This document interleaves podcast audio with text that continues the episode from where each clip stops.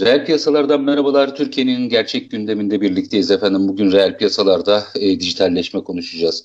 2020 yılının belki de pandemi kadar e, en çok konuşulan, üzerinde durulan başlıklarından biriydi. E, elbette süreç çok daha eskilere dayanıyor.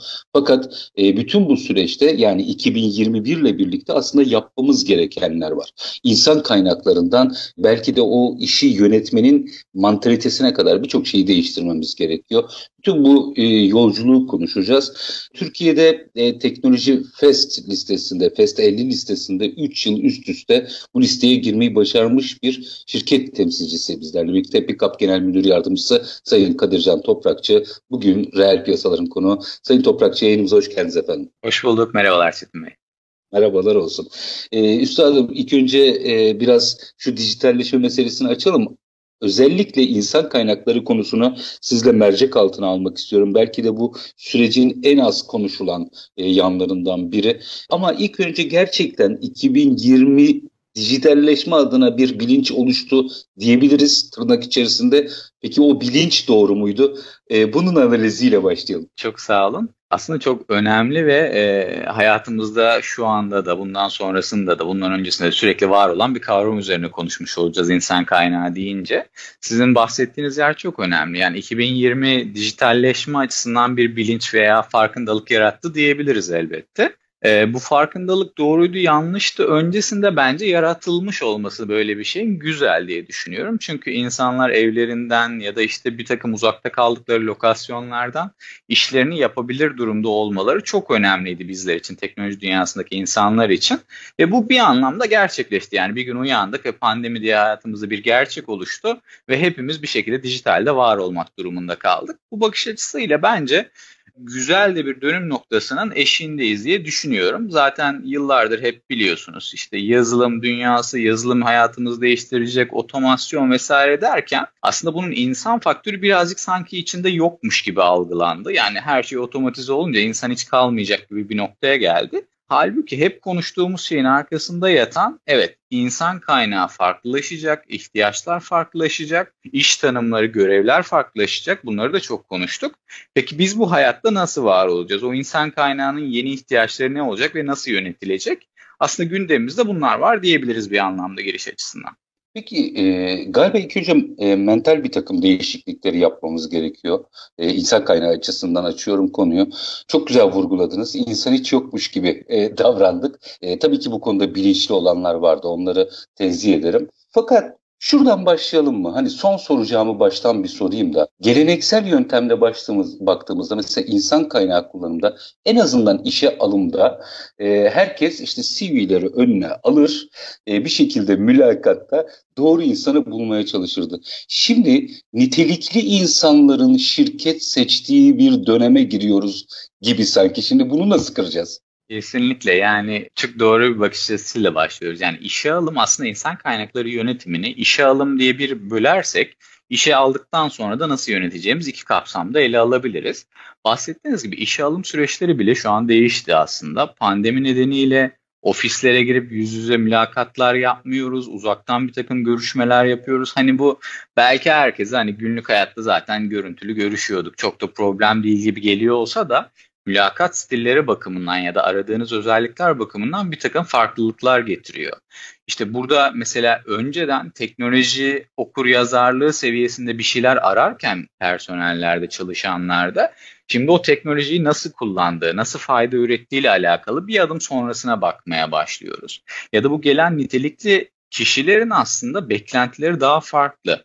Yani öncesinde işte bir takım hani temel yetkinlikleri olsun, işte kalitedir, şeydir, e, insan yönetimidir, beklentilerdir bunlara bakarken şimdi artık bu adamlar bizde çalışırken sıkılır mı, sıkılmaması adına neler yapmamız lazım, bir takım angarya işleri otomasyona geçirmemiz lazım gibi farklı konular konuşurluk, konuşur durumdayız. Ki bunun bence en önemli başlıklarından bir tanesi inovasyon konusu da aynı zamanda. Çünkü bu kişiler artık inovatif olmayı, yaratıcı olmayı şirket ortamında ister haldeler ve onlara bu esnekliğin tanınması bekleniyor.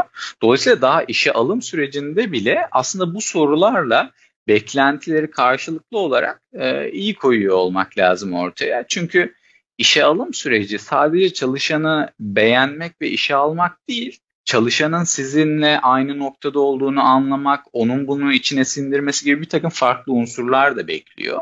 Dolayısıyla işe alımda ciddi bir farklılıklar olacaktır. Bunu iki bakış açısında ele alalım. Bir tanesi evet beklediğimiz yetkinlikler, yetenek setleri değişti. Bir diğeri de işe aldığımız pozisyonlar değişti. Artık geçmişte konuştuğumuz bazı pozisyonları almaz, yeni roller açar ve onları alır durumdayız diyebilirim. Burada e, galiba şimdi o detayı biraz açmanızı rica edeceğim çünkü sözlerinizin arasında vardı. Eskiden işe alım, şimdi bir işveren çalışan ilişkisinin değiştiği bir partnerlik, bir yolculuk galiba e, daha esas. Tabii doğru. Kesinlikle yani bu partnerliği belki de şöyle ele almak lazım. Yani birlikte bir iş yapıyoruz sonuçta çalışanlarla aynı amaç için. Yöneticilerin temel sorumluluğu o çalışanların ellerinden gelen tüm potansiyeli sergileyebilmeleri için uygun ortamı yaratmak aslında. Dolayısıyla burada asıl işi yapanın çalışan olduğunu düşünürsek yani bir anlamda onlar için uygun ortamı sağlamaya çalışıyoruz. Dolayısıyla bu çalışanların işe alımı sırasındaki farklılıklar da geldikleri zaman beklentiler de bir partnerlik ilişkisinden öte bir şey. Bir aileviyet duygusuyla ilişkili bir şey aslında. Çünkü hepimiz aynı ortamda birbirimizi görmesek de orada olduğumuzu, birbirimize destek olacağımızı bilerek çalışmaya çalışıyoruz diyebilirim. Bu farklı bir duygu ve aslında şu anda başarılı olan şirketlere baktığımız zaman genel dünya ekseninde ya da yükselişe geçen şirketlere daha küçük ekipler, birbiriyle iletişimi yoğun olan, hatta sosyal medyalardan bir takım işte web sitelerinden gördüğümüz kadarıyla yine bu insanlar kendilerini lanse ederken ekip duygusunu öne plan, ön plana çıkarttıkları bir tutum sergileniyor. Biliyorsunuz bundan öncesinde alışkın olduğumuz şirketler genelde işte binlerce çalışanı olan, inanılmaz kurumsal e, yine tırnak içerisinde yapıları olan şirketlerde özenilen şeyler. Şimdi daha küçük ekiplerden bahseder durumdayız. Bu başlı başına bir değişiklik aslında. İşe alım sırasında da insanların belki teknik yetkinliklerine hala bakıyoruz ama bir taraftan da iletişim ön planda. Yani bu insan ekip içerisinde nasıl diyalog kurar, e, neler yapmaya çalıştığı zaman kimlerle takışabilir ya da kimlerle daha büyük potansiyel sergileyebilir. Bunlara bakıyoruz diyebilirim. İnsan kaynaklarının işi aslında oldukça kompleksleşti bir anlamda. Bütün strateji veya ekosistem değişiyor anlamına geliyor. Şimdi e, bir cümle ifade ettiniz. E, onu açmakta fayda var. Eskiden firmalar bir takım beklentiler içinde olurdu. Şimdi çok hoş bir şey söylediniz. Onu açmanızı rica edeceğim. İnovasyon yeteneğimi veya bakış açımı geliştirebilecek miyim diye soruyor iş görüşmesine gelen. Şimdi buradan şunu açmak lazım. Mevcut durum kurumsallar e, nispeten bunu çok uzun yıllardır zaten dönüştürmeye çalışıyorlar ama sanıyorum yılın son günlerinde çıkan haberler bir kez daha teyit etti ki Türkiye'deki işletmelerin büyük bir çoğunluğu e, %90'ların üstünde KOBİ ve istihdamı da bunlar sağlıyor. İşte tam bu noktayı biraz konuşmak, açmak lazım. Orada bu dönüşüm nasıl olacak? Ya Kobi tarafı çok çok çok önemli yani. Sizin de dediğiniz gibi aslında Türkiye'de şirket kavramı eşittir Kobi diyebiliriz. Çünkü büyük şirketler e, sayılabilecek düzeyde az sayıda aslında. Ve asıl istihdam da, asıl potansiyel de belki de şöyle de bakmak lazım.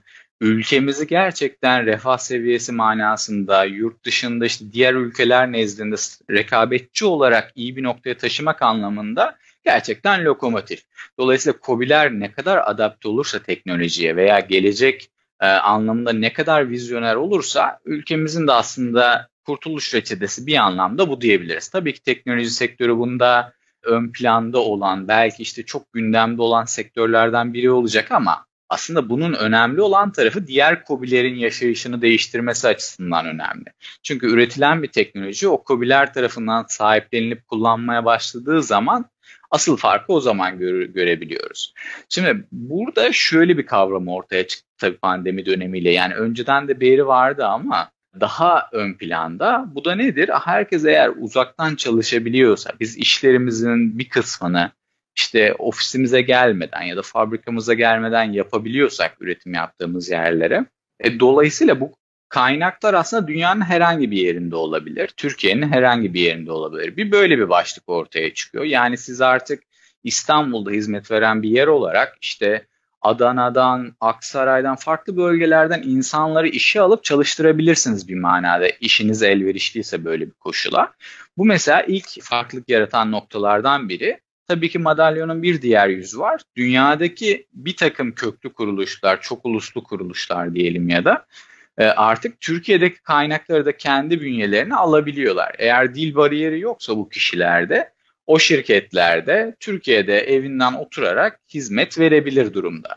Şimdi bu kavramlar işte bahsettiğimiz bu noktaya bizi çıkartıyor. Yani sadece şirket olarak ben beklentilerimi söylersem işe alım sürecinde ve çalışan işe girmek adına bunlara evet derse bu kaynakların geçişkenliğine dair bir şey sunuyor. Yani size girecektir bu çalışan, işinizde bir süre çalışacaktır. Sonra başka bir teklif gelecektir, o işe girecektir. Sonra yurt dışından bir teklif gelecektir. Yani hem rekabet çok kızışmış bir noktada hem de artık roller evet istihdam problemli belki Türkiye'de şey metrikler açısından baktığımız zaman. Çünkü geleneksel bir takım noktaları da ele alıyoruz ama özellikle teknoloji tarafına ağır basan roller için yani bir yazılımcı, bir sistemci diyebileceğimiz roller için aslında o kadar çok opsiyon var ki ve o kadar çok e, her rakama işe girebilir, her beğendiği sektörde işe girebilir bir durum var ki kendini geliştirdiyse bu potansiyel. Sizde aradığı şeyler biraz daha farklı olmalı sizin sunduklarınız. Yani bu klasik bir iktisadi teori gibi aslında bir anlamda inanılmaz çok işte arz yaratırsanız fiyatlar düşer ki 1 milyon yazılımcı vesaire gibi konulara da belki girmek lazım bir manada ama e, bir taraftan da bu kaynaklar eğer siz farklı, paradan farklı bir şey sunmazsanız yani işte bu inovasyon bununla ilişkili yani kendini geliştirebileceği, fikirlerini rahatlıkla sunabileceği, rahat bir iletişim kurabileceği bir ortam yaratmazsanız elbette ki bu kaynaklar sizde uzun vadeli çalışmayacak. Ki bunun maliyeti gerçekten normal bir istihdam sürecinden, normal bir işe alım sürecinden çok daha pahalıya mal oluyor. Dolayısıyla gündemimizde olan konuda işte bu şekilde dönüşüp yani karşılıklı olan beklentileri doğru kuralım. Bizim de istediklerimiz, çalışanın da beklentileri aynı noktada örtüşsün ki potansiyel olarak rakiplerimizden daha öne geçebilelim. Dünyada bir yer bulabilirim kendimize diye bir noktaya gidiyor aslında özetle. Şimdi e, aslında bununla ilgili bir e, havuz oluşturduğunuz bir proje var ama iki dakika sonra araya gideceğim için yarım kalmasın diye orayı açmıyorum. Aradan sonra açacağım. Fakat bu bahsettiklerinizden e, aslında bilhassa işin merkezinde olan yazılım ve yazılımcı konusunda hani teşbih hata olmazmış bir kara borsaya doğru gidiyoruz gibi geliyor. Dünya işverenleri açısından. Evet oldukça ilginç aslında. Bu rollerin yıllardır aslında şeyi takip ediyoruz zaten hep beraber işte. Daha yazılım, teknoloji rolleri ağırlıklı ön plana çıkıyor. Onlar işte işe alımları değiştirdi falan bazı roller yok oldu diyoruz ama kesinlikle bir taraftan da şey ortaya çıkıyor. İnanılmaz çok burada kaynak olursa ya da tam tersine çok az kaynak olursa bazı roller içinde bu gerçekten iş yapışınız ciddi şekilde etkiliyor. Dolayısıyla sizin farklı kaynak alanları yaratmanız, bu kaynakları Türkiye'nin ya da dünyanın farklı yerlerinden bulabilmeniz ve işte insanlarla ortak noktada buluşturup şirketlerde işe başlatabilmeniz söz konusu oluyor. İşte bizim de aslında yapmaya çalıştığımız teknoloji alanında doğru kişileri bulup şirketlerin doğru rollerine yerleşmesini sağlamak ve orada başarıyla işini daha iyi taşıyabilecek şekilde çalıştırmayı sağlayan aslında bir platform, bir hizmet diyebiliriz buradaki şey e, sağladığımız. Bunu da IT'ye özel, teknoloji pozisyonlarına özel yaptığımız için ciddi bir know-how var. Çünkü başta da konuştuk. Bu insanların işe alımı bile çok daha farklı. Aradığınız yetkinlikler çok daha farklı. Beklentiler tamamen farklı. Dolayısıyla bu birazcık uzmanlık alanı gerektiriyor diyebiliriz. Peki o yazılımcı havuzunu biraz daha konuşalım ama kısa bir ara verelim. Aranın ardından devam edelim. E, çünkü orada e, o sistemden yararlanması gerekenlerin bunun yolunu da e, bilmesi gerektiğini düşünüyorum. Sizden biraz daha amiyane tabirle tiyoları alacağım. E, ama kısa bir ara verelim. Aranın ardından devam edelim. Efendim Pikap Genel Müdür Yardımcısı Kadircan Toprakçı ile yeni dönemin, yeni stratejisinin İK stratejisini konuşuyoruz. Yeni ekonomi e, ekosisteminin. Kısa bir ara aranın ardından devam edeceğiz. Lütfen reel piyasalardan ayrılmayın. Efendim reel piyasalarda Pikap Genel Müdür Yardımcısı Kadircan Toprakçı ile sohbetimiz devam ediyor. Yeni dönem insan kaynağını konuşuyoruz. Özellikle teknoloji ve yazılım sektörü e, açısından baktığınızda. Şimdi Sayın Toprakçı bu e, yeni sistemin içerisinde oluşturulan havuzu biraz konuşmak istiyorum. E, bununla ilgili sorularım da olacak. Aklıma takılanlar da var. Havuzla ilgili değil ama yaklaşımla ilgili. Hadi nasıl bir yazılımcı havuzundan bahsediyoruz? Sistem nasıl işliyor? Bir firma oradan nasıl yararlanabiliyor? Bu başlıkları biraz açabilirseniz bize mutlu olurum. Tabii çok teşekkürler tekrar.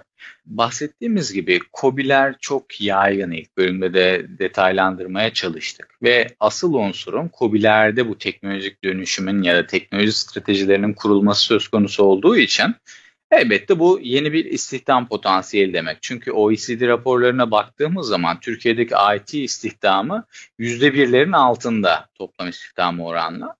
Dolayısıyla bu da hani diğer ülkelerin biraz gerisinden geliyoruz gibi gözüküyor. Şimdi IT istihdamını sağlamak için de tamamen düşünsel aslında şirket iş yapışımızın biraz farklılaşması anlamına geliyor. Çünkü tek bir sektörden değil, Türkiye'de gerçekten reel piyasa manasında baktığımız zaman farklı pek çok sektörden bahseder durumdayız.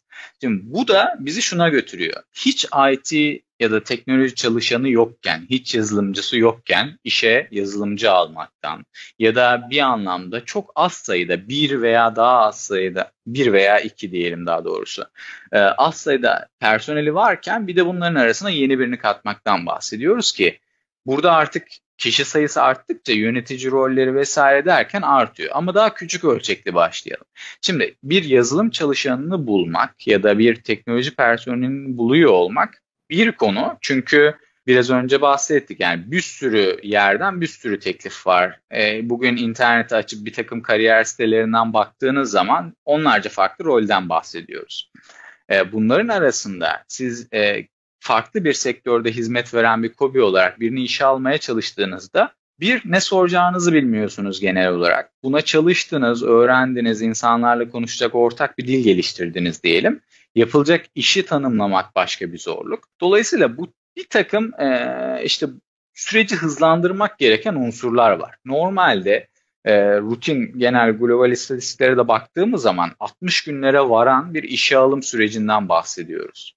Dolayısıyla bu kadar uzun bir süremiz olmadığını varsayarsak bir de değişmeler söz konusu olabiliyor. Dolayısıyla bunu nasıl kısaltabiliriz? Birinci konumuz yani işte ben bu kişiyi 14 günde nasıl bulabilirim mesela? Sonuçta hepimizin işi acil değil mi günlük yaşamda? Acil. Bir bu tarafı var işin. İkincisi de bu kişiyi tutundurmak. Yani bu kişiye dair bir, bir takım kendi içinizde bir anlamda sigorta denilebilecek durumlar yaratmanız gerekiyor. İşte bizdeki yazılımcı e, havuzu dediğimiz ya da teknoloji havuzu dediğimiz bireyler bizim aslında teknik mülakatlarımızdan geçen bir takım kişilik envanterlerini yaptığımız ve iş tanımı olarak bizim de teknoloji sektöründe hizmet verdiğimizi ortaya koyduğumuz zaman o kişi sanki bizde veya bir takım yazılım şirketlerinde nasıl iş yap, yapıyorsa bu şirkette de öyle hizmet sağlayabileceğine emin olduğumuz kişileri bulmak ve o kişinin yani müşterimizin diyelim kobilerin ihtiyaçlarına yönelik doğru kişiyi onlara yönlendirmek ve işe alımını sağlamak adına bir platform aslında. Buradaki çıkış noktamız bir, genelde şirketler ortak dili yakalamak manasında zorluk çekiyorlar. Çünkü bu kişiler eskiden alışa geldiğimiz şekilde çok konuşkan profiller de değiller. Bazen kendilerini iyi ifade edemedikleri durumlar olabiliyor veya doğru sorular sormazsanız daha görüşme sırasında umutsuz bir e, vaka yarattığınız için karşı taraf açısından işe alım sürecinin pozitif gitmeyeceği belli olabiliyor. Bu da ciddi bir maliyetten tabii e, problem yaratmak demek. Dolayısıyla bizdeki havuz aslında backend, frontend diyebileceğimiz yani ön yüz tasarımcıları, arkada sistem geliştiricileri, veri tabanı mimarları gibi farklı rollerden oluşan ve işte biliyorsunuz bundan işte geriye dönüp baktığımızda bir 5 yıl perspektifinde herkes işte kurumsal kaynak planlama yazılımları kurmaya çalıştı. İşte bir takım muhasebe uygulamalarını yapılandırdılar. Milyon dolarlar harcandı bazı şirketlerde veya e, Türkiye genelinde baktığımız zaman. E bunların artık kendi işimize özgü tekrar revize edilmesi, tekrar dizayn edilmesi bir konu. Dolayısıyla bu kişileri bulmak zamanla yarışmak anlamına geliyor. Bir taraftan da başta ilk bölümde bahsettiğimiz gibi yani eğer sizin burada global rakipleriniz varsa sizin şunu hissetmiyor olmanız lazım. Bir kobi olarak bana gelmez, oralara gider. Bunun da metotları var. Dolayısıyla biz bu anlamda yol göstermeye çalışıyoruz COBİ'lere. Yani bizimle yaptıkları şey çok özetle şöyle bir hale geliyor. Ben böyle böyle bir iş yapmaya çalışacağım. Benim bu alanlarda yetkinliğe sahip birine ihtiyacım var diye konuşmaya başlayarak bizim ona doğru adayları kısa listeler olarak iletmemiz ve onlar arasından mülakatlar yaparak şirket kültürüne en uygun kişiyi seçip hemen işe başlatmasını sağlayan bir havuz, bir profil havuzu. Peki bundan yararlanmanın yolu ne? Şimdi o çok güzel bir şey e, ifade ettiniz. E, bana gelmez, beni tercih etmez. E, şimdi bunların hepsi ön yargı aslında. Siz burada e, çok daha bilimsel nokta atışı eşleşmeleri yapıyorsunuz anladığım kadarıyla. Doğru, kesinlikle. Biraz açabilir misiniz o noktayı? Tabii. Şimdi şey ön yargılar gerçekten her zaman problemli. Ee, yani insanlar işe girerken de bir takım ön yargılarla e, o görüşmelere geliyorlar. İşlerde çalışırken de hep bu ön yargılar nedeniyle problem yaşandığını görüyoruz genel e, insan kaynakları manasında. Dolayısıyla insanların birbirine karşı çok açık oluyor olması çok önemli bu noktada. Çünkü gerçekten sahada bir sürü iş bekleyen, iş bulmayı bekleyen, yetenekli insanlar var. Bazen sırf o ön yargılarımızın belli noktalarda olması nedeniyle ne doğru kişiyi bulabiliyoruz ne de bir iş yerinde mutlu olabiliyoruz. Dolayısıyla bunun ortak bir yerini yakalamak tamamen bir e, uzmanlık alanı diyebiliriz. İşte bizim yapmaya çalıştığımızda şirketlerin çok açık bir şekilde bize ulaştıkları zaman şunu yapmasını bekliyoruz. İşte ben muhasebe uygulamamı geliştirmek istiyorum. Bunda böyle böyle bir şey hayal ediyorum veya işte bir e, müşterilerime ulaşmak için tasarlamaya çalıştığım bir mobil uygulamam var. E, bunu açarsam işte yeni yeni potansiyel müşteriler yaratacağım kendime diyebilir. Bu tarz işte diyaloglarla başlıyor aslında tüm konuşma. Biz de oradan şeyleri anlamaya çalışıyoruz. Nasıl bir profil, hangi yetkinlikler olmalı, bunları beraber her zaman e, karşı taraftan beklemek mümkün olmuyor. Çünkü başta dedik ya aslında hiç bir yazılımcıyla çalışmamış olabilir karşı taraf. E, dolayısıyla bu rolleri bulmak adına birazcık şirket kültürünü anlamaya çalıştığımız bir diyalog geçiriyoruz. Hemen onun akabinde de oradaki beklentilere göre güncel teknolojiler neyse diyelim ki yazılımda spesifik bir teknoloji çıkacak önümüzdeki bir yıl çerçevesinde ve o konuda kendini geliştirebilecek birine ihtiyacımız var.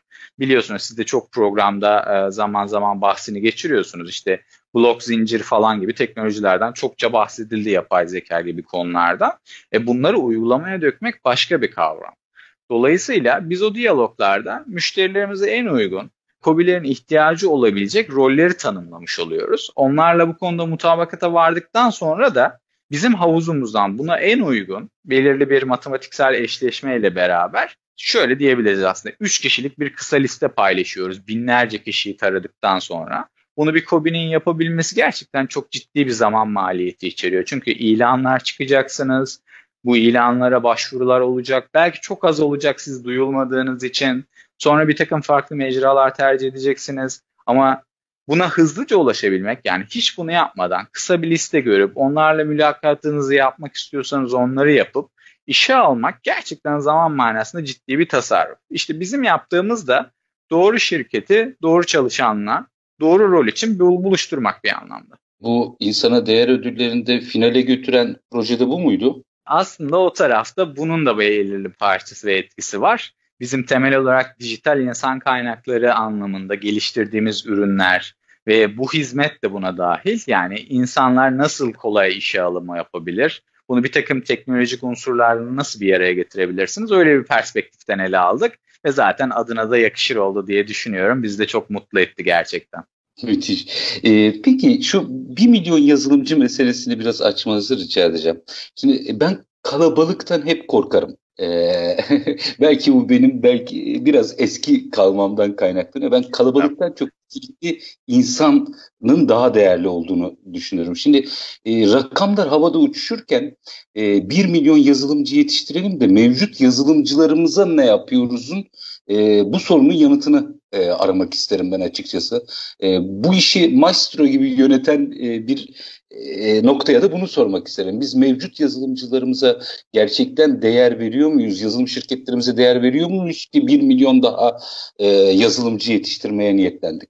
İnanılmaz önemli bir soru. Biz de bu ilk çıktığı zaman aslında e, bunun üzerine çok kafa yorduk diyebilirim. Çünkü nasıl bir etki yaratacak sahada, ne yapılmaya çalışıyor tam olarak. Çünkü biliyorsunuz böyle kararlar verilirken e, e, işte sektördeki eminim ki bir takım insanlara sorulmuş ve ortak bir e, yere varılmıştır ama bizim e, yani çok güzel bir vizyon olsa da 1 milyon yazılımcı e, yani mutlaka düşünülen şeyler vardır.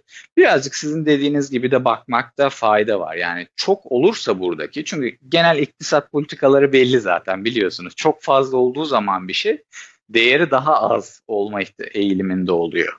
Dolayısıyla bir Üstadım bu ucuz insan kaynağı yaratmanın ama e, aynı zamanda vasıf problemini ortaya çıkarmanın bir e, riskini de taşımıyor mu? Kesinlikle, kesinlikle. Zaten korktuğumuz noktalardan birisi sektör olarak eğer etrafta özellikle de biri, biraz önce konuştuğumuz kobiler çerçevesinden baktığımız zaman eğer bir kaynak çok fazlaysa kesinlikle burada bir şey problemi çıkıyor ortaya. Bir, değerde, verilen değerde düşüş. İkincisi vasıf, yetkinlik anlamında bir takım eksiklikler ortaya çıkıyor. Çünkü biz de çok hakim değiliz mesela bu kişilere nasıl bir eğitim veriliyor, bir takım portallar yapıldı onlardan izleniyor ama şunu da bir yerde biliyoruz. Yani her yerde aslında dünyanın e, online platformlar üzerinden eğitimler alınabiliyor ve insanlar kendini geliştirebiliyor.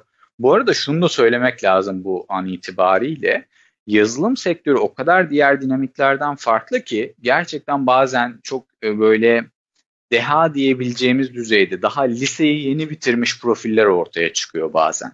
Yani sadece geleneksel ön yargılarla hareket edile, edilebilecek bir sektör de değil. Yani siz şöyle yaptığınız zaman o kadar çok büyük bir potansiyeli elinizin tersiyle itmiş oluyorsunuz ki işte şu şu şu üniversitelerden mezun, şu bölümlerden e, bir yazılımcı alayım dediğiniz zaman aslında çok daha iyileri olan bir e, pazardan bir kısmını filtrelemiş oluyorsunuz. Dolayısıyla 1 milyon tarafına da böyle bakıyor olmak lazım. Yani pek çok kişi var sahada. Bunlar gerçekten ucuz iş gücü gibi yetiştiriliyorsa eğer ki öyle gözüküyor. Bu bizim için çok değerli olduğunu düşünmüyorum. Çünkü şöyle biz Hindistan vesaire gibi bir takım yerlerle işte ucuz iş gücü diyor oraya yazılım sektörü zaman içerisinde kaydı biliyorsunuz dünya genelinde. Böyle bir rol almaya çalışıyor olmak doğru mu emin değilim. Çünkü gerçekten çok pratik zeka manasında ileri düzeyde olan kaynaklarımız var.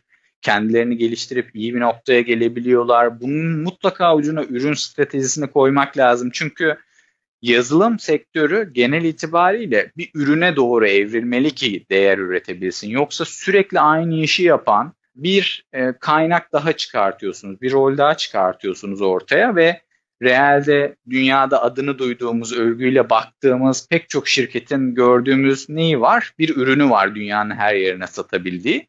Dolayısıyla kobi olduğunuz zaman da mutlaka bunu ortaya koyuyor olmanız lazım. Yani ben sonunda bir ürün çıkartabilmeliyim ve bu ürünü dünyaya satabilmeliyim diye bakmanız lazım. Dolayısıyla 1 milyon birazcık bu açıdan korkunç. Ee, ama bir taraftan da hani bir adım atmak manasında değerlendirildiği zaman da iyi diyebiliriz belki. Bu tabii ki herkesin kendine göre bir düşüncesi olduğu alan. Ama mutlaka şeyi temin ediyor olmak gerekiyor. Bu insanların yoğun ve iyi bir eğitim aldığından, işlerde pratik yapabildiğinden belirli staj programları oluşturmak gerekiyor şirketler için. Dolayısıyla bu bizi şuna götürüyor. Siz de çok hakimsiniz zaten genel itibariyle sektörlere eğer biz bunun arkasına hemen bir bu alanda destek prosedürü geliştirmezsek yani devlet manasında söylüyorum bunu e, bu 1 milyon açıkta kalan bir istihdam daha yaratacak. Evet çok önemli yetkinlikler kazanıyorlar belki ama şirketlere de şu yapılmalı bence. Sağda bir sürü dolaşan her gün gündemimize giren pek çok destek mekanizması var biliyorsunuz. Yani bunların bir kısmı geçici, bir kısmı e, gerçekten kalıcı, yıllardır devam eden. İşte nitelikli eleman, COSGAP gibi yerler veriyor. İşte TÜBİTAK gibi kurumların verdiği bir takım destekler var falan ama e, buraya bence yani bizim genel sektör e, izlenimimiz de bu yönde hem teknoloji manasında hem istihdam manasında bir takım teşvikler veriliyor olması lazım. Özellikle yazılım sektörüne ithafen. Mesela şunu çok az görüyoruz. Eğer 1 milyon yazılımcı varsa bizim şunu diye olmamız lazım devlet olarak. Biz bu yazılımcıları istihdam eden yerlere şöyle şöyle destekler vereceğiz. İşte maaşının bir kısmını veya üzerindeki gelir vergisi ve benzeri şeylerin bir kısmını üstleneceğiz deyip bunu teşvik ediyor olmamız lazım ki bu insanlar hem iş bulabilsin hem de gerçekten o Türkiye'de kobiler manasında bir dönüşümü yaratabilelim. Dolayısıyla dediğiniz çok önemli. Yani biz şey yapmadığımız sürece, bunu kalıcı bir şekilde desteklemediğimiz sürece şirketlere sen teknoloji personellerini almalısın, hayatın için bu önemli demedikçe, farkına vardırmadıkça gerçekten sonuç biraz şüpheli oluyor. Peki bunu biraz daha açmak istiyorum. Çünkü kritik bir nokta insan kaynağı açısından bu. Ama kısa bir ara verelim. Aranın ardından devam edelim. Efendim Pikap Genel Müdür Yardımcısı Kadıcan Toprakçı ile reel piyasalarda sohbetimiz devam edecek. Lütfen bizden ayrılmayın. Efendim reel piyasalarda yazılım, yazılımın içerisinde insan kaynağı. Hadi bitmedi, insan kaynağının doğru kombinasyonu. Bunu konuşuyoruz. Oluşturulan bir havuz var. Sistematiği konuşuyoruz. Pikap Genel Müdür Yardımcısı Kadircan Toprakçı konuğumuz. Şimdi Sayın Toprakçı kaldığımız yerden devam etmek istiyorum. Çünkü e, bir sonraki e, aklımdaki soru belki de işin bam telini oluşturacak. E, şimdi İSMEK'ler vardı. Çok güzel bir proje insanların mesleklere yönlendirilmesi bence çok doğru. Mesleklendirme çok doğru ama 3 ay içerisinde tesisat ustası mezun edemezsiniz. Şimdi e, bunu bir tesisatçılar odası eski başkan yardımcısı bana anlatmıştı. Üç kuşak tesisatçı. İlk başta bizim işlerimiz çok kötü oldu. Ondan sonra onların bozduklarını yaparak işlerimiz, iş hacmimizin arttığını hissettik. Ama orada kimler mağdur oldu? İşte benim tam da e, takıldığım nokta bu. Aynı şey yazılımcı meselesinde de e, geçerli. Yazılımcı değil ki ne yazdığı önemli, ne yarattığı çok önemli. E, şimdi o vasıf kriterini nasıl belirleyeceğiz? Çünkü günün sonunda hadi ikinci sorumu da ilave edeyim ardından günün sonunda bunu tercih edecek bir Kobi'nin ikinci bir şansı olmayabilir. Yani bu hızda karavana atmasına neden olabiliriz yanlış bir isimle. Şimdi bu, bunu biraz açmamız gerekiyor. Gerçi havuz biraz bunun önüne geçiyor ama e, bu konuyu biraz açmamız gerekiyor Sayın Toprakçı. Kesinlikle yani Çetin Bey şöyle bir noktadan bahsediyoruz. Belki bunu ben biraz ya derinleştirerek nasıl önem sahibi olan bir şey hakkında konuştuğumuzu detaylandırmak isterim. Şimdi yazılım öyle bir şey ki uzmanlık alanı olan insanlar dışında ne yapıldığına dair çok az fikrinizin olduğu bir alan. Yani siz şirketin yöneticisi olarak, e, sahibi olarak veya o kişilerin yöneticisi olarak o yazdığı kodun detayına bakmadığınız sürece size her zaman o işi yerine getiriyorsa temelde beklenildiği yani bir site düşünelim ya da bir mobil uygulama düşünelim insanlar bir hırdavatçının işte şeylerine e, sattığı ürünleri bir mobil uygulamadan alıyor olsun mesela. Şimdi bunun için aldığınız kodun detayına bakmadıkça oraya tıklayınca alıyorsanız çözülüyor diye bakabilirsiniz ama aldığınız kişi gerçekten bu konuda bilgi birikimine sahip değilse iki gün sonra bir siber saldırıya maruz kalıp bir takım müşteri detaylarının çalındığı ki bu, buna benzer haberler duyuyoruz biliyorsunuz e, bir ortam yaratmış oluyorsunuz ve bu durum şurası çok kritik yaşamadığınız sürece bilebileceğiniz bir detay değil. Dolayısıyla siz hem kişilik manasında hem teknik yetkinlik manasında çünkü bu her zaman şey olmuyor. Kişi çok iyi niyetli olabilir teknik yetkinliği nedeniyle bir şeylerin farkında olmayabilir. İşte doğru rolü bulmak bu nedenle çok önemli. Dolayısıyla bence tabir çok doğru. Karavana şansı yok burada. Sizin işte reputasyonunuz, sahada bilinirliğiniz, müşterilerinizin güveni söz konusu. Dolayısıyla doğru kişiyi buluyor olmak bu anlamda çok çok çok değerli. Çünkü bu kişilerle belki şöyle de düşünülebilir. Orayı da netleştirmek lazım. İşe alırım olmazsa çıkartır gö- e, götürürüm başka birini alırım. Şimdi yazılım sektöründe bu dinamikler de biraz farklı işliyor. Şimdi o kodu geliştiren adam o kodla mı gidecek, sizin bilgilerinizi götürecek mi? Bir takım güvenlik noktalarında da e, dikkatli oluyor olmak gerekiyor. İşte yetkinlik bu nedenle çok önemli. Yani hayat memat meselesi diyebiliriz bir anlamda. İşte buradan bakınca da sizin alacağınız kişinin doğru kualifikasyonda olması, yetkinlik setinin doğru olması çok çok çok ama çok önemli. Yani bunu daha net ifade etmek gerçekten mümkün olduğunu düşünmüyorum. Yani bu hayatta var olacaksanız, bir sonraki adımda rekabette sahada olacaksanız sizin için yapılması gereken bir şey olmakla birlikte gelecekte olduğunuz yer bakımından da önemli etkiye sahip bir noktadan bahsediyoruz. Her rol mutlaka dene, değerli. Yani e, yanlış anlaşılmasın lütfen. İşte muhasebede, işte finansta farklı pek çok rol önemli elbette ama e, yazılım sektörü geleceğe olan vizyonumuz nedeniyle ya da ulaşmaya çalıştığımız yer nedeniyle bence ayrıca da bir öneme sahip.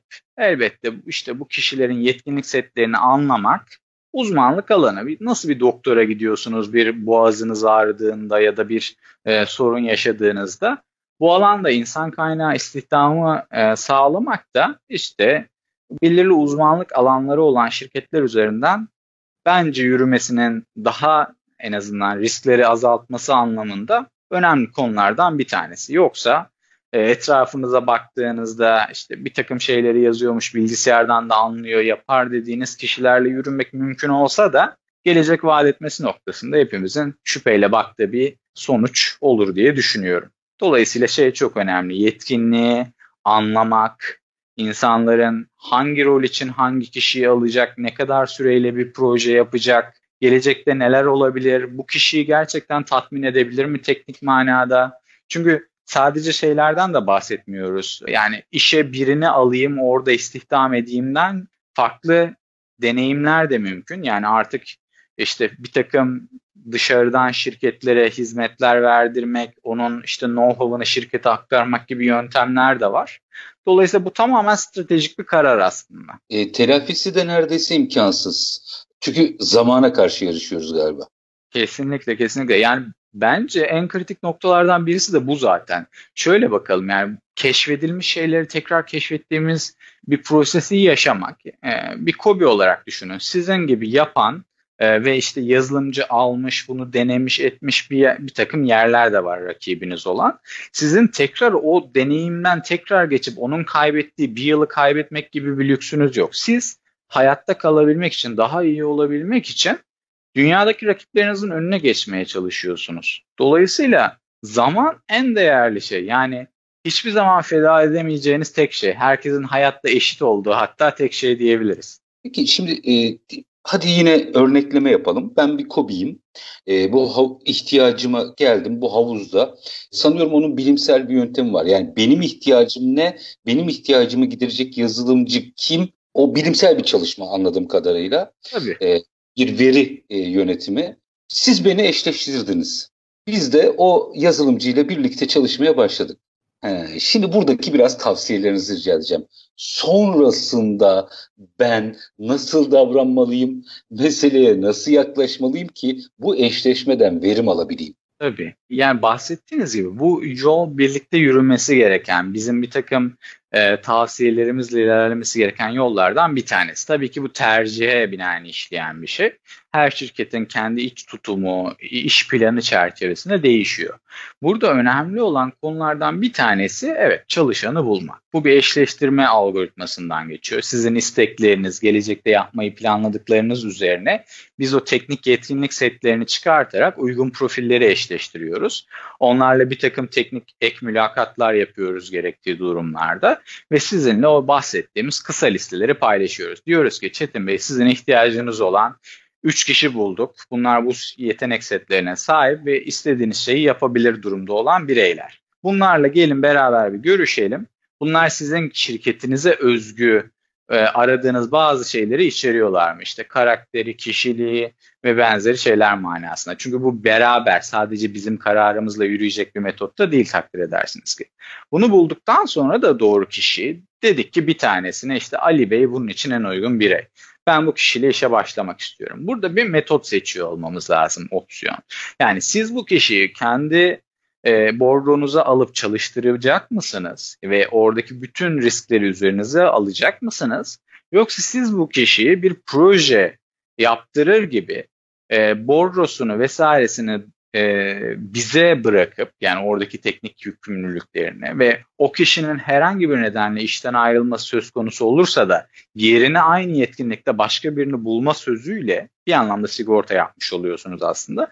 Böyle mi ilerleyeceksiniz? Dolayısıyla o çalışırken de o kişiler bizden teknik olarak takıldığı noktalarda destekler alabiliyorlar, sorular sorabiliyorlar. İnsan kaynağı manasında onları yönlendirebiliyoruz. Bakın bu bu bu özelliklerine bakmak lazım diye. Bu böyle bir iş birlikteliği aslında. Biz şuna da çok inanıyoruz. Yani bence Günümüzdeki en önemli başlıklardan bir tanesi de bu. Yani müşteri, satıcı vesaire ilişkisinden çok yani beraber bir şey yapmaya çalışıyoruz. Bir değer üretmeye çalışıyoruz toplum için sonuçta. E, dolayısıyla birbirimize açık bir şekilde sorular sorabilmeliyiz, cevaplar alabilmeliyiz, birbirimize göre kendimizi geliştirebilmeliyiz. Dolayısıyla bu konularda oldukça açıkta davranıyoruz bir anlamda. Burada önemli olan o kişiyi bulduktan sonra da bu kişiye yaptıracağımız işler, olası riskler noktasında nasıl e, önlemler alacağız bunlara karar vermek. İşte bizim yaptığımız da o havuz sürekli güncellendiği için doğru profilleri bulmak, işin bir sonraki adımına geçtiğinizde siz bana dönüp evet Ali ile iyi gidiyoruz, yanına birini daha alıp işleri büyütmek istiyorum dediğiniz zaman biz o Ali'yi tanıdığımız için yerine birini daha yanına birini daha ekleyerek sizin işlerinizi büyütmeniz için de bir potansiyel sağlamaya çalışıyoruz aslında dijitalleşmeyle ilk tanıştığımız bu herkesin bir web sitesi meselesinden e, yola çıkayım. Şifreleri aldı kaçtı diye bir şey vardı biliyorsunuz. Evet. E, şimdi Ali sisteme dahil olduğu için benden ayrılsa bile aslında böyle bir şey yapamaz. Doğru mu? Evet işte böyle e, önlemleri almak mümkün. Bu bir bilinç meselesi her şeyde olduğu gibi. Bunu yapabilmeniz için bir takım ön şartları sağlamanız gerekiyor. Yani öncesinde önlemler almanız gerekiyor. İşte o hiçbir zaman o bilgileri götüremesin diye bir takım güvenlik önlemleri alabiliyorsunuz. Biz de sonuçta bir sürü ürün geliştiriyoruz dünyanın farklı noktalarına da e, ihraç edebilmek anlamında. E, biz de böyle bu dönüşümleri engelleyebiliyoruz. Dolayısıyla bunu yapmak evet mümkün. Müthiş. Peki burada bir boyut daha açmanızı rica edeceğim. Bir beş dakikamız var ama bu havuzda ben insan kaynağı e, olarak kullanmak istemiyorum. Hani yine örnekten yola çıktım. Peki burada benim ihtiyacımı görebilecek bir startup var mı? Bir startup ortak olmak istiyorum. Bu, bu tip e, ilişkiler de kurulabiliyor mu? Yani Çetin Bey sektörü çok yakından takip ettiğiniz çok belli. Zaten biraz önce de atıf yapmıştım. Evet böyle şeyler de mümkün. Bu arada bu bence ülkemiz açısından çok değerli bir nokta aynı zamanda. Çünkü her ilk başta herkesin aklına gelen her şeyi ben yapayım, kendi başıma uç donucu yapayım gibi bir hissiyatla yola çıkıyor herkes. Bizim genel e, ülke olarak tavrımız da böyledir. Yani aman ben yaparım bunudur. E, ama şey e, artık insanlarla paylaşmak çok önemli. Dolayısıyla siz belirli bir işi ya da gerçekten daha önce onu geliştirmiş olan bir startupla işbirliği içerisinde bulunup bu tarafta işte kendinizi daha iyi bir hale dönüştürmek için gerek olan yetkinlikleri oradan alabilirsiniz. Bu da mümkün tabii ki. Bence güzel de bir yolu. Yani her şeyi baştan keşfetmenin anlamı yok. Zaman maliyeti çok fazla dedik ya. Siz sadece kritik know-how'u kendinize aktarabilirsiniz bir takım işbirliktelikleriyle. Dolayısıyla burada ihtiyacınız olan o ilişkiyi nasıl yöneteceğiniz ki biz aslında burada da duruyoruz. Yani o startupla nasıl bir diyalog içerisinde proje yönetimini nasıl yapacaksınız, nasıl ürünleri teslim alacaksınız, önemli adımlar ne olacak? Bunların hepsini beraber tasarlamış olmak mümkün oluyor. Dolayısıyla sizin günün sonunda amacınız bir şirket olarak, bir kobi olarak ne? Ben ürünlerimi daha fazla satabilmek için ya da işte içeride çalışanlarımı daha iyi yönetebilmek için bir şeylere ihtiyacım var ve bunu almak istiyorum diyorsunuz. E onu ister iç kaynağınızla isterse startuplarla dışarıdan firmalarla beraber yapabilir hale gelmeniz önemli. Çünkü sizin nasıl oluyor, neler oluyor gibi şeyleri düşünmeye vaktiniz yok bir yönetici olarak. E, dolayısıyla bunu yapabilmenin metotlarından biri de bu. Startuplarla bence çalışmak ekosistemi geliştirmek anlamında da çok önemli. Yani sizden aldıkları know-how'la dünyaya yine ihraç edilebilecek yeni ürünler çıkartabiliyor olmaları, belki beraber ortak ürünler çıkartabiliyor olmanız kobi olarak mümkün hale geliyor. Çünkü siz aynı eforu göstermek adına belki kendi içinizde 10-15 tane yazılımcıya ihtiyaç duyacaksınız. Ama orada zaten bu kaynak var güç birlikteliğine neden gitmeyelim ki sorusu doğuyor. Ki bence çok kritik, çok da önemli bir soru. E, süren bitti ama bir dakikada şunun da yanıtını alarak size veda etmek istiyorum. Hep alanmış gibi konuştuk. E, bir de veren noktaya bakalım. Aslında bunun bir giriş ön şartı yok. E, daha iyi anladım sorunuzu. E, yani bizim burada amacımız gerçekten COBİ'lere, topluma bir fayda sağlıyor olmak. Dolayısıyla sizin herhangi bir yetkinliğe sahip olmanızı beklemiyoruz. Biz zaten Sizde bu yetkinlikleri geliştirmek için varız. Dolayısıyla size e, bir takım tavsiyeler vererek sizden cevaplar almaya çalışıyoruz. Dolayısıyla siz hiçbir şeye sahip olmayabilirsiniz. Üç çalışanınız olabilir, bir market olabilirsiniz, bir işte perakendeci olabilirsiniz, bir hırdavatçı olabilirsiniz. Yani herhangi bir şey olabilir.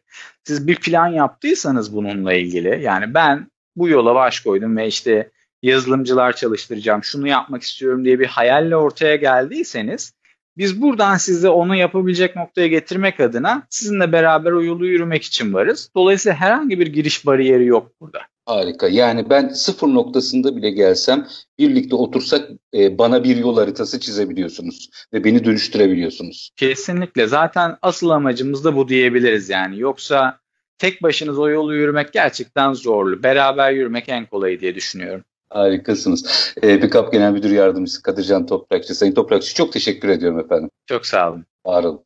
Efendim e, gördüğünüz gibi aslında her şey çok zor gibi gözüküyor ama her şeyin bir çözümü de var. Demek ki önce niyetlenmek gerekiyor ama insan kaynağı ile ilgili stratejimiz bilhassa bu süreçte dönüşümü sağlayacaksak yazılımcı stratejimiz çok önemli. Doğru insanlarla çalışmak demeyeyim doğru insanlarla bir yol yürümek durumundayız. E, bu konuda da e, geliştirilen bir platform var, havuz var. Sizlerle paylaştık. Konuğumuz Pikap Genel Müdür Yardımcısı Kadircan Toprakçı'ydı. Reel piyasaları her zamanki gibi bitirelim. Şartlar ne olursa olsun paranızı ticarete, üretime yatırmaktan, işinizi layıkıyla yapmaktan ama en önemlisi vatandaş olup hakkınızı aramaktan vazgeçmeyin.